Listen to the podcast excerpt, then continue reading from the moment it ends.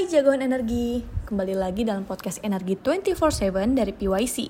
Kali ini bersama dengan saya Sinta akan membawakan berita dalam sepekan terakhir. Highlight berita ini yaitu kolaborasi PLN dan Otorita IKN siapkan Green National Capital City di IKN Nusantara. Seperti apa beritanya? Langsung saja, let's check it out. Berita pertama datang dari harga komoditas energi. Rata-rata Indonesia Crude Price atau ICP bulan November masih mengikuti ICP bulan Oktober, yaitu sebesar 86,72 per barel. Mengalami penurunan dari ICP sebelumnya yang sebesar 90,17 per barel. Per 10 November, harga minyak West Texas Intermediate atau WTI berada di kisaran harga 75,57 US dollar per barel.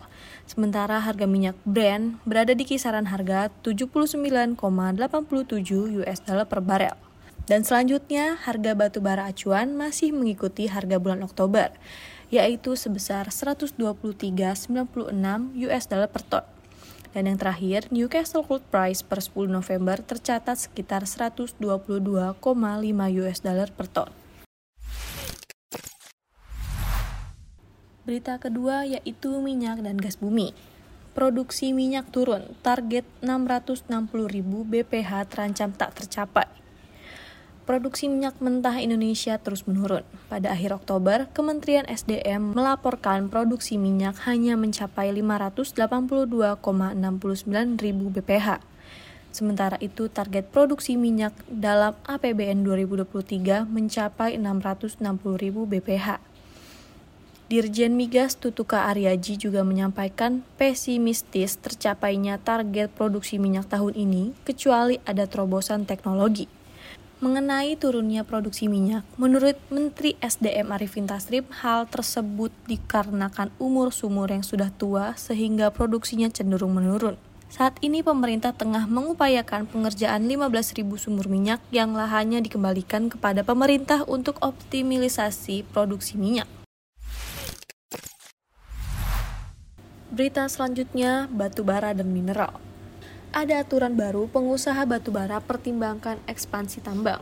Pelaku usaha pertambangan batubara menyambut positif keputusan Menteri SDM tentang pedoman permohonan evaluasi dan pemrosesan perluasan wilayah izin usaha pertambangan dan wilayah izin usaha pertambangan khusus dalam rangka konservasi mineral dan batubara.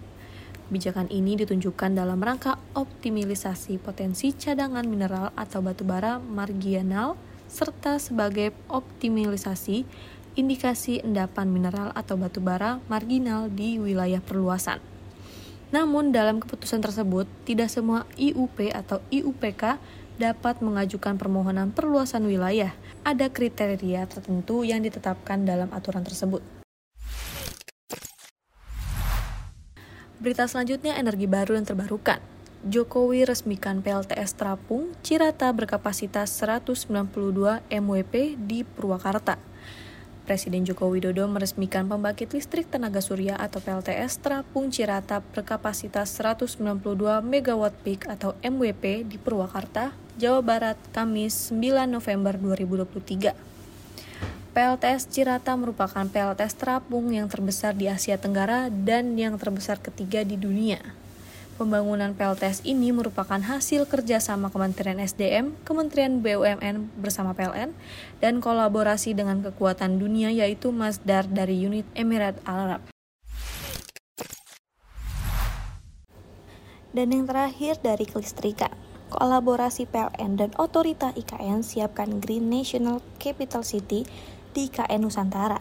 PT PLN dan Otorita Ibu Kota Negara atau OIKN Nusantara resmi menandatangani nota kesepahaman terkait pengembangan Green National Capacity City.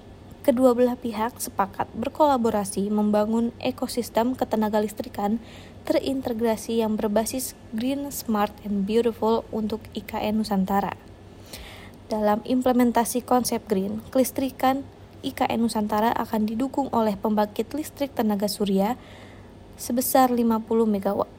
Selain itu, PLN juga akan melakukan pemetaan dan pemanfaatan hidro di sekitar IKN dengan potensi listrik yang dihasilkan sebesar 1000 MW.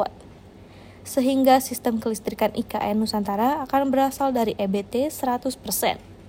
Dalam implementasi konsep smart ini, PLN akan membangun sistem transmisi dan distribusi pintar yang dibekali teknologi AI, yang mana instalasi listrik berada di bawah tanah sehingga lebih indah secara estetika sesuai dengan konsep beautiful.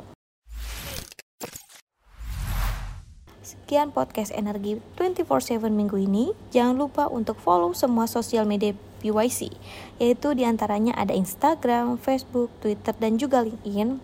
Dan jangan lupa juga untuk subscribe channel YouTube PYC. Saya pamit undur diri dan sampai jumpa.